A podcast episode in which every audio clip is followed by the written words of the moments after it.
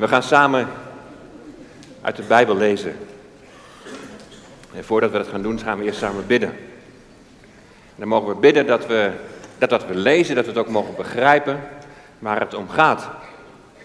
Zullen we samen onze handen vouwen, eerbiedig zijn en tot God gaan. Trouwe God, Hemelse Vader, we danken u voor de Bijbel die we van u hebben ontvangen. Dat we daarin mogen lezen wat u tot ons wilt zeggen. Wilt u ons helpen om ook de dingen die vanmorgen daarover gezegd worden te begrijpen? Wilt u zo in onze harten werken? Heer, we willen bidden, Heer, en danken voor wie u bent. En we willen tegelijkertijd ook tegen u zeggen, Heer, dat wij het zelf niet kunnen. En daarom willen we u vragen, Heer, wilt u helpen? Wilt u mij ook helpen, Heer, bij het uitleggen? Heer, dat bidden we uit genade in Jezus' naam. Amen. Nou, twee bijzondere Bijbelgedeelten voor Pasen. En de eerste die is uit Ezekiel. Ezekiel 37. En ik lees het uit de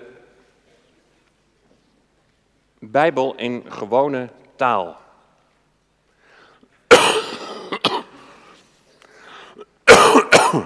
Sorry.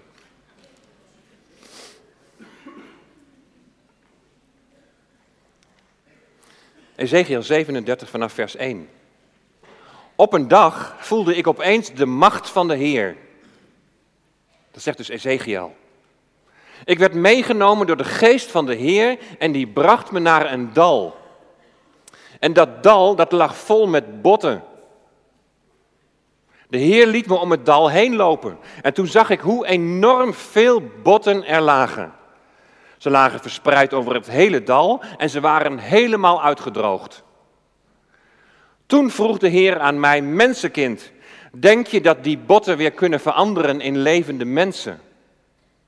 En ik antwoordde, Heer mijn God, dat weet u alleen. De Heer zei tegen mij, spreek tegen deze botten en zeg tegen ze, uitgedroogde botten, luister naar de woorden van de Heer. Dit zegt God de Heer, ik ga jullie weer levend maken. Ik zal jullie bedekken met spieren en vlees. En daar zal ik de huid omheen laten groeien. Ik zal adem in jullie blazen, zodat jullie weer levend worden. Dan zullen jullie begrijpen dat ik de Heer ben. Ik deed wat de Heer tegen mij gezegd had en sprak tegen de botten. Zodra ik dat deed, hoorde ik een zacht geluid. En ik zag dat de botten naar elkaar toe bewogen en dat ze aan elkaar vast gingen zitten. En ik zag dat er spieren aan de botten kwamen en vlees. En daaromheen groeide huid. Maar de lichamen leefden nog niet. En toen zei de Heer tegen mij: Mensenkind, spreek nu tegen de wind. En zeg tegen de wind: Dit zegt God de Heer. Wind, kom uit alle richtingen en blaas adem in deze dode lichamen, zodat ze weer levend worden. En ik deed wat de Heer tegen mij gezegd had en, en sprak tegen de wind. En toen kwam er adem in de lichamen en ze werden levend. En ze gingen allemaal rechtop staan. Het was een enorme massa mensen. En de Heer zei tegen mij: Mensenkind, die botten, dat zijn het volk van Israël. Want de Israëlieten zeggen: Het is afgelopen met ons. We hebben geen hoop meer. We zijn net als uitgedroogde botten waar geen leven meer in zit. Daarom moet jij tegen de Israëlieten zeggen: Dit zegt God de Heer. Luister, mijn volk, ik zal jullie weer leven geven. Net zoals ik graven openmaak en dode mensen uit hun graf laat opstaan. Ik zal jullie bevrijden en ik zal jullie terugbrengen naar het land Israël. Als dat gebeurt, dan zullen jullie begrijpen dat ik de Heer ben. Ik zal mijn adem, in het Hebreeuws staat daar ruach. Dat is adem, betekent ook wind, maar betekent ook geest. Ik zal mijn geest in jullie blazen, zodat jullie weer levend worden. Ik laat jullie weer in je eigen land wonen. En dan zullen jullie begrijpen dat ik de Heer ben. En dat is mijn besluit. En wat ik besloten heb, dat zal ik ook doen. Nou, Best wel een heel bijzonder Bijbelgedeelte. Tweede gedeelte, even ter herinnering aan de gemeente. We waren met Matthäus 24 bezig. Wordt de tekenen der tijden. Die heel sterk overeenkomen met openbaring 6 en 7. De tekenen der tijden die al een aankondiging zijn van die grote verdrukking die gaat komen. Een grote verdrukking die gevolgd wordt door de wederkomst. Ja, en hoe gaat het dan verder met Israël? Nou, daar gaan we vanmorgen over lezen. Hebben we net al gelezen uit het Oude Testament. En gaan we nu lezen in het Nieuwe Testament. In Matthäus 24, daar staat: Leer van de vijgenboom deze gelijkenis. Wanneer zijn tak al zacht wordt en de bladeren uitspruiten, dan weet u dat de zomer nabij is. Zo ook u, wanneer u al deze dingen zult zien, weet dan dat het nabij is. Het staat voor de deur. Voorwaar ik zeg u, dit geslacht zal zeker niet voorbij gaan totdat al deze dingen gebeurd zijn. De hemel en de aarde zullen voorbij gaan, maar mijn woorden zullen zeker niet voorbij gaan. Nou, tot zover uit het woord van God. De kinderen die hebben net uit de Bijbel gelezen over de opstanding van de Heer Jezus. We hebben er net van gezongen. Wij vieren feest. Pasen is het feest van een nieuw begin. En heel veel mensen die denken aan niet veel meer bij Pasen dan aan het begin van het voorjaar. En we horen s'morgens de vogels weer zingen. Maar dat is al heerlijk hè, dat je dat weer mag horen. Dan denk je, ja, het, het mooiere weer komt er weer aan. Langere dagen. De lammetjes die springen straks weer in de wei. Het zonnetje gaat schijnen. Heerlijk. Maar Pasen is zoveel meer. Het nieuwe begin is nog veel meer dan dat er weer groene blaadjes aan de bomen en aan de struiken gaan groeien. Dat is op zich al prachtig, maar Pasen betekent dat de steen van het graf is weggerold. Pasen betekent dat de steen die Levi bij het kruis neer mocht leggen, daar ook blijft liggen. Want alle zonden zijn vergeven. Pasen betekent een nieuw begin. Vergeving van zonde, een nieuw leven met Jezus en dat, dat niet alleen voor zolang wij hier op deze aarde zijn, maar ook daarna. En je zult misschien denken, wat hebben die twee andere gedeelten uit de Bijbel nou precies met Pasen te maken? dat over die vijgenboom, dat vertelde de Heer Jezus nog voor zijn kruisiging. Nog ver daarvoor. En het andere gedeelte van Ezekiel, dat gaat nog veel verder terug. Want toen was de Heer Jezus nog niet eens geboren. Misschien voor de kinderen best wel moeilijk om te begrijpen. Maar ik ga toch mijn best doen om het zo uit te leggen dat, de meest, dat het meeste voor jullie te begrijpen zal zijn. In ieder geval voor de wat oudere kinderen. En als je het nou niet begrijpt, dan ga je na de dienst even naar je vader of naar je moeder en laat je het even uitleggen. Zo, de vaders en moeders let ook goed op. En je mag natuurlijk ook bij mij komen, dat vind ik ook altijd leuk. Als Jezus levend wordt en uit het graf gaat, dan laat hij zich nog een paar keer zien. En hij laat zich zien in Israël. Er waren best wel veel mensen in Israël die in hem gingen geloven. Die geloofden dat hij uit de dood was opgestaan. We hebben soms misschien de indruk, nou dat was misschien maar een handje vol, maar dat viel best wel mee. Maar ook heel veel die geloofden er helemaal niks van. En die geloofden in het smoesje dat verspreid werd dat de soldaten hem zogenaamd gauw uit het graf hadden gehaald en dat ze hem ergens anders hadden neergelegd. Jezus wil heel graag dat alle mensen in Israël, dat ze allemaal in hem gaan geloven, zodat ze allemaal gered zullen worden. En daarom heb ik die twee Bijbelgedeelten gelezen, want daar kun je zien en daar kun je lezen dat het ooit eens nog eens goed gaat komen met Israël. Nou, laten we beginnen bij Ezekiel. Nou, Ezekiel is natuurlijk een naam die we niet zo vaak horen. Ik denk dat er geen kinderen zijn die de naam Ezekiel hebben, of wel? Jawel? Is er wel een Ezekiel? Ja, wie? Of kennen jullie een Ezekiel?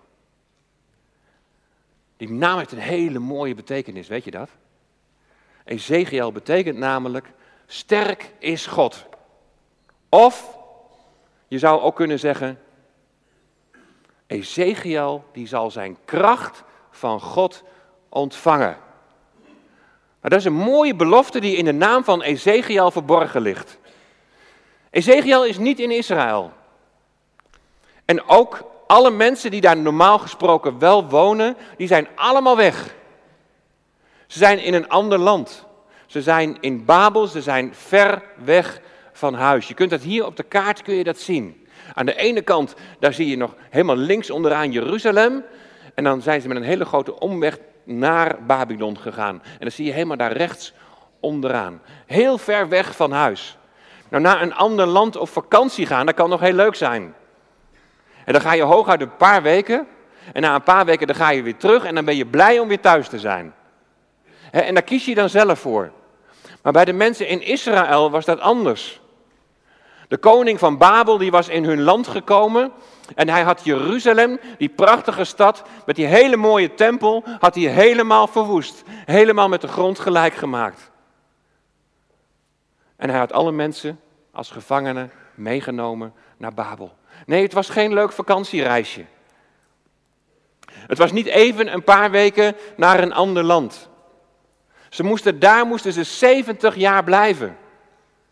En zo is Ezekiel is ook naar Babel gebracht. Hij is naar een ander land en hij kan niet naar huis.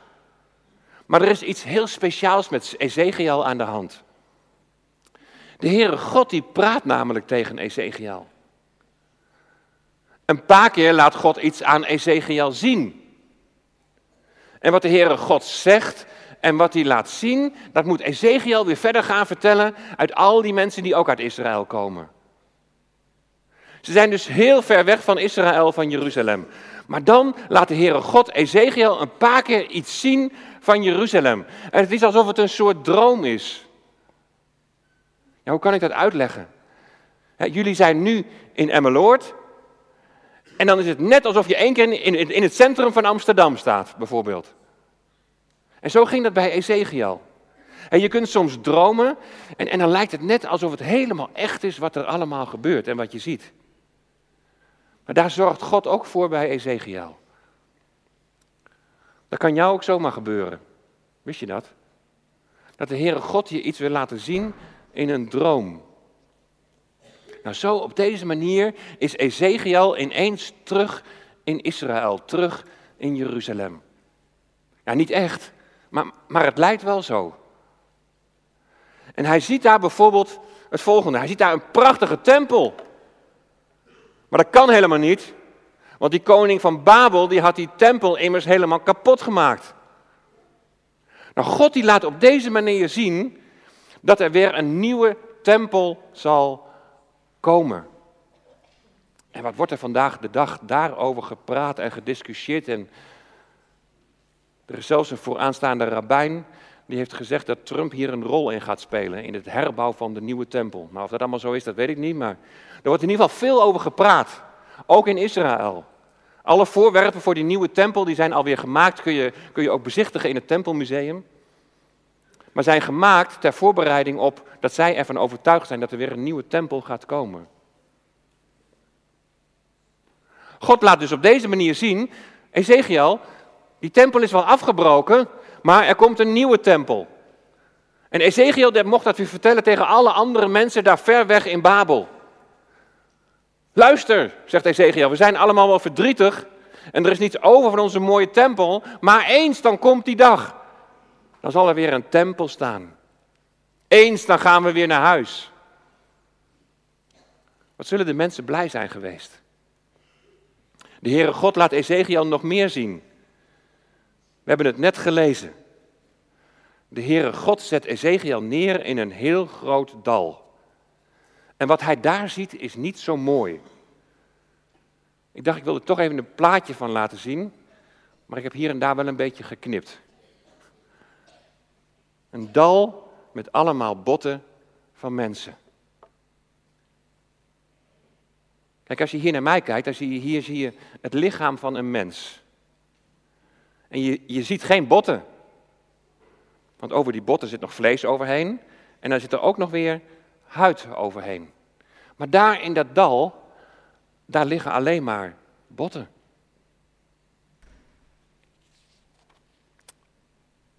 Dit is van de mensen overgebleven daar in dat grote dal. Nou, daar word je niet echt vrolijk van.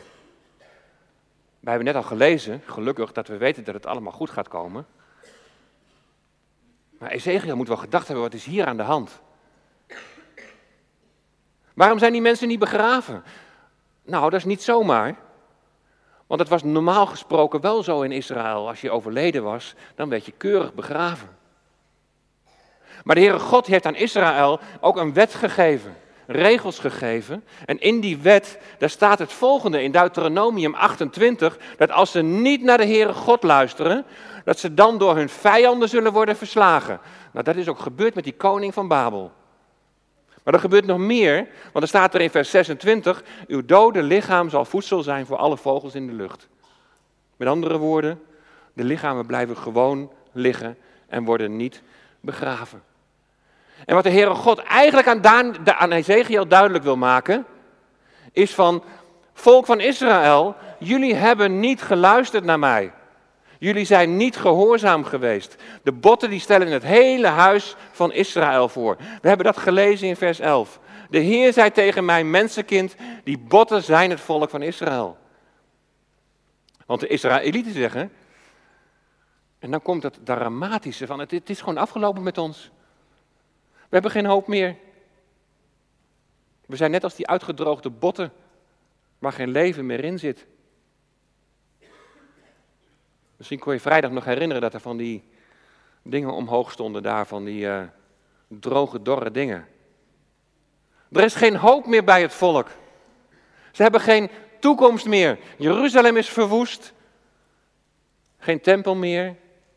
Ver weg in een vreemd land. Nou, Israël heeft in de, in de geschiedenis wel vaker van dit soort situaties meegemaakt. Bij ons in de kerk zijn ook regelmatig mensen die gevlucht zijn uit andere landen. En ze kunnen niet meer terug. En het is hier zo anders om te leven. Mensen hebben hele andere gewoonten, vaak heel ander eten. De natuur is anders, regen en kou. Dat ze misschien niet gewend zijn. En je vraagt jezelf misschien af, ja, zal het ooit nog goed komen? En misschien ben je helemaal niet gevlucht, maar ben je ook in een situatie dat je bij jezelf denkt van, er is geen hoop meer. Ik weet niet, hoe moet dat ooit nog weer goed komen? Hoe moet er ooit nog weer herstel komen in mijn situatie? Hoe moet het nu verder? Maar dan gaat God die gaat iets heel bijzonders laten zien. Er gaat iets gebeuren met die botten. Hoop voor Israël. Maar je mag hier ook zien dat onze God, dat onze God een God van herstel is. Ook in jouw situatie, ook voor jou is er altijd hoop. Hoe hopeloos het misschien ook lijkt. En laten we ons optrekken aan dit verhaal. Hoe God zijn volk herstelt. En Ezekiel die moet iets heel raars doen. Hij moet tegen die botten moet hij gaan praten. Dat betekent dat hij tot het hele volk Israël iets moet gaan zeggen. Uitgedroogde botten, luister naar de woorden van de Heer. Dit zegt God de Heer, ik ga jullie weer levend maken. Ik zal jullie bedekken met spieren en vlees en daar zal ik de huid omheen laten groeien. En ik zal adem in jullie blazen, zodat jullie weer levend worden. En dan zullen jullie begrijpen dat ik de Heer ben. Zie je nu wat het met Pasen te maken heeft? Ik zal jullie weer levend maken. Wat dood was, wordt weer levend. Wat dood was, wordt weer nieuw leven ingeblazen. Er was geen hoop meer, maar nu is er hoop. Het gaat goed komen. Een geweldige belofte voor het volk Israël. Ik zal mijn adem, en ik zei net al, je kunt ook zeggen, ik zal mijn geest in jullie blazen, in jullie geven, zodat jullie weer levend worden. Ik laat jullie weer in je eigen land wonen en dan zullen jullie begrijpen dat ik de Heer ben. Dat is mijn besluit en wat ik besloten heb, dat zal ik ook doen. Wat God beloofd heeft, gaat Hij doen. En na 70 jaar gaat er inderdaad een groepje mensen gaat terug naar huis, terug naar Jeruzalem.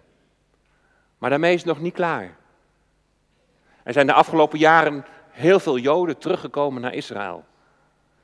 En in de toekomst zullen ze nog komen vanuit de hele wereld. Allemaal naar huis. En dan gaat er in de toekomst gaat er iets bijzonders gebeuren. God zal de geest in hen geven. Ze zullen geestelijk tot herstel komen. En dat ligt allemaal nog in de toekomst verborgen. God zal de Heilige Geest in hen geven. Ze zullen weer op gaan staan en daadwerkelijk gaan leven. Er zal een moment komen dat het volk Israël haar opstanding zal beleven. Dat ze in de Heer Jezus zullen gaan geloven. Dan zullen de voeten van de Heer Jezus zullen staan op de Olijfberg en dan zullen ze Hem herkennen. Net zoals de broers van Jozef hem op een gegeven moment herkennen. Het is Jozef, onze broer. Zo zullen straks de Israëlieten zeggen, maar dat is Yeshua, onze broer. Ze zullen hem herkennen en erkennen. Een herstel gaat nooit buiten het kennen van de Heer Jezus om. Maar wanneer zal dat zijn? Vroeger, toen zat ik op de HAO in, uh, in Zwolle. Dat was toen het begin van Windesheim nog. En daar was een leraar en die begon s'morgens vroeg te lezen met een gedeelte uit de Bijbel. Nou, dat was op zich al best bijzonder op dat moment. Maar toen hij begon te lezen, toen, toen merkte ik iets bij deze man. Ik dacht, deze man die is hier helemaal vol van. Die is helemaal vol vuur, die is zo enthousiast over datgene wat hij aan het lezen is. Nou, het feit dat ik me dat nu nog kan herinneren, wil wel zeggen dat het een bijzonder moment was, zo lang geleden. En hij las ditzelfde gedeelte, Matthäus 24, vers 32 tot 35, over die vijgenboom. Nou, dat is natuurlijk een heel bijzonder verhaal. Terwijl bijna alle bomen in Israël hun loof in de winter behouden, verliest de vijgenboom al zijn bladeren. En hij ziet dan met zijn kale takken, ziet hij er zo ongeveer zo uit. Net als die botten in dat dal. Maar als er groene bladeren beginnen te groeien, dan weet je dat de zomer nabij is. In Lucas 21, daar staat het nog iets uitgebreider. Daar staat, dan weet je dat het koninkrijk van God nabij is. Dan zal die kroon op het hoofd gaan. Dan zal Jezus koning zijn.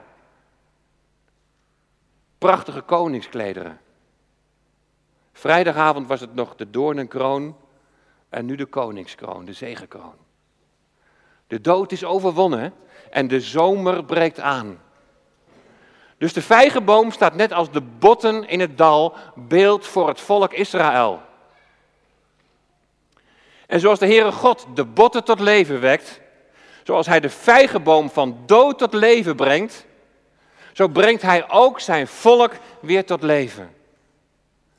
En daarmee bedoel ik dat ze in de Heer Jezus gaan geloven. Want hij is de weg, de waarheid en het leven. Zien we al iets van het herstel van Israël? Het is voor, tot nu toe voor Israël nog niet verder gekomen dan dat we hier hebben gelezen in Ezekiel 37, vers 8. Ik zag dat er spieren aan de botten kwamen en vlees en daaromheen groeide huid, maar de lichamen leefden nog niet. Het is heel bijzonder dat er weer een staat Israël is. We gedenken dit jaar het 70-jarige bestaan. Het is bijzonder dat Jeruzalem weer wordt bewoond en dat de kinderen weer spelen op de pleinen. Profetie vervuld. Het is het lichaam dat wordt opgericht, maar het leeft nog niet. Het is bijzonder hoe alle landen van deze wereld zich bemoeien met dat kleine landje aan de Middellandse Zee. Het is bijzonder dat er over de hele wereld verloren stammen worden ontdekt. Het is bijzonder dat velen terugkeren. Het is het lichaam dat opgericht wordt, maar het leeft nog niet. Ze vieren met Pesach nog de uittocht uit Egypte. Maar ze moeten nog gaan zien dat het Pesach-lam, de Heer Jezus, hun redder en verlosser is. Er gebeurt al heel veel. De bladeren die beginnen uit te spruiten. Wanneer u al deze dingen ziet, weet dan dat het nabij is, voor de deur. En weet je wat dan nabij is? Nabij is dat nieuwe koninkrijk. Het vrederijk, het rijk van gerechtigheid en vrede. En bij het begin van dat rijk zal Israël haar opstanding beleven. Dan zal de geest van God die zal over hen worden uitgestort. Ze zullen de Heer Jezus herkennen en ze zullen Hem erkennen. Van dood naar leven. Weet je waar die leraar op school zo enthousiast over was? Nou, het was in 1984, 1985. Nou, hij was met name enthousiast over vers 34. Daar staat namelijk, voorwaar, ik zeg u, dit geslacht zal zeker niet voorbij gaan, totdat al deze dingen gebeurd zijn. Nou, en we zitten natuurlijk wel een beetje zo in elkaar dat we heel graag willen, een beetje willen rekenen en ook graag willen weten van wanneer zal dan dat moment zijn. En wat is er gestoeid met dit vers? Die leraar van school die redeneerde als volgt. En hij volgde daarmee de redenatie van Hal. Lindsey die heeft heel veel boeken over de eindtijd geschreven. Een bekend boek van hem is De planeet die aarde heette. En zijn redenatie en ook die van mijn leraar die was als volgt.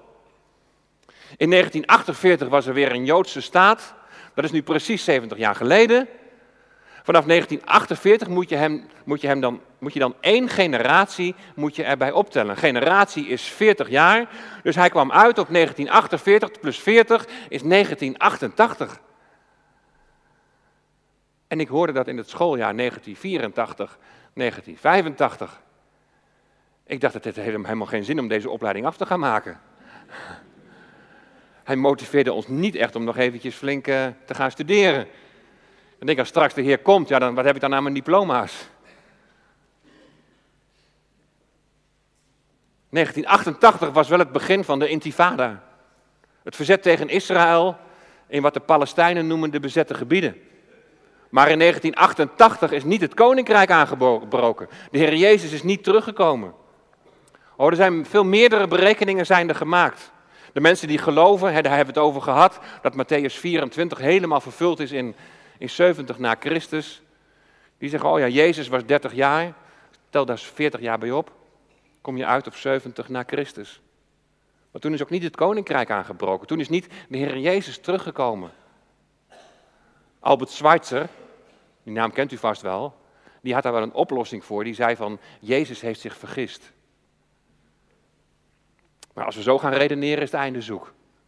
Want de Heer Jezus vergist zich niet en God die vergist zich niet. Maar wat moeten we dan met dat vers, met vers 34? Nou, het is volgens mij niet zo heel ingewikkeld. Het heeft gewoon met, met de vertaling te maken. Wat betekent dat nou geslacht? In het Grieks staat dat genea. Denk maar aan genetica.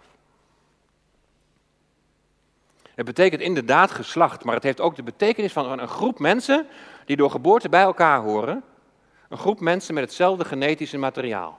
Maar in het Nieuwe Testament komt het meestal voor in de zin van een groep mensen die als tijdgenoten van elkaar geboren worden.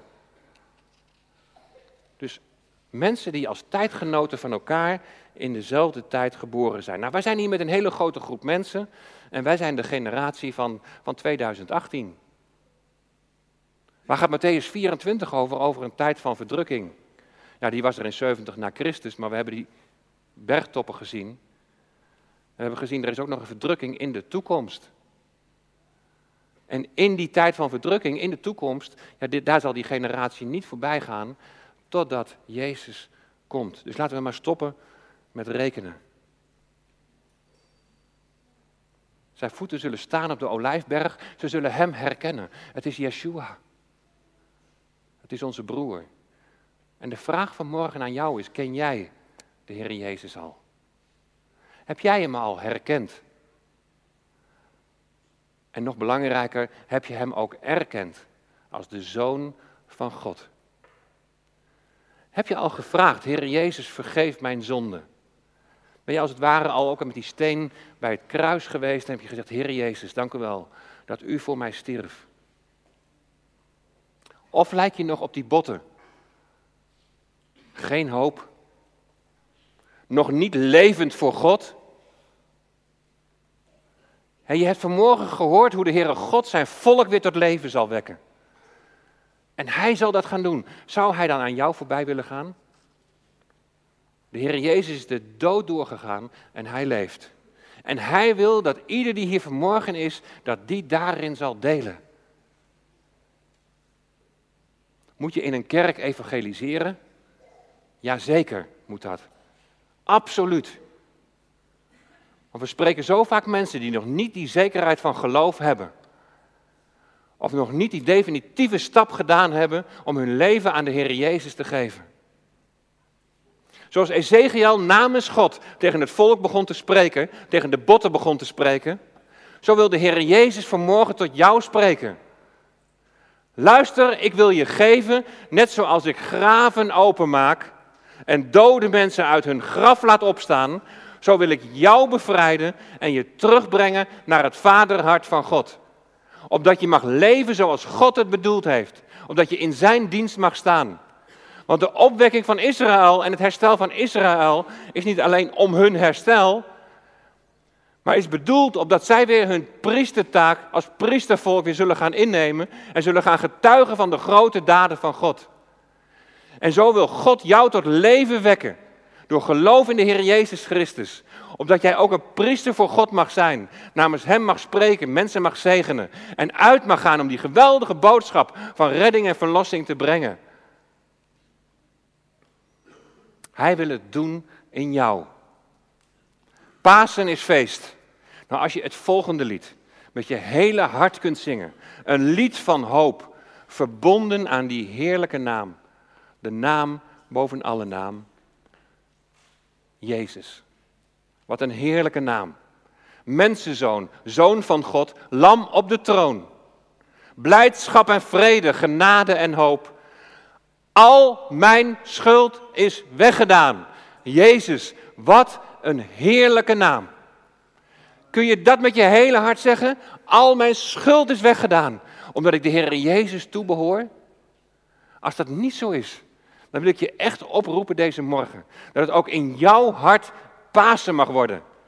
Dat je gelooft in de opstanding van de Heer Jezus. En als je dat echt kenbaar wilt maken, dan mag dat. Dat hoeft helemaal niet, maar dat mag dat. Als je zegt, maar nu spreekt God tot mijn hart. Nu raakt de Heilige Geest mij aan. Ik wil mijn leven aan de Heer Jezus geven. Dan wil ik je uitnodigen om naar voren te komen. En je hart aan Hem te geven. Als je dat nog nooit hebt gedaan. Dan zeg maar, dit is vandaag de dag. Dit is vandaag de dag dat ik Pasen wil vieren. Dat ik ook in die vrijheid wil staan en de Heer Jezus wil toebehoren. Jezus, wat een heerlijke naam. Als je dat kunt zeggen, kom gerust naar voren en we bidden samen en we gaan de Heer danken.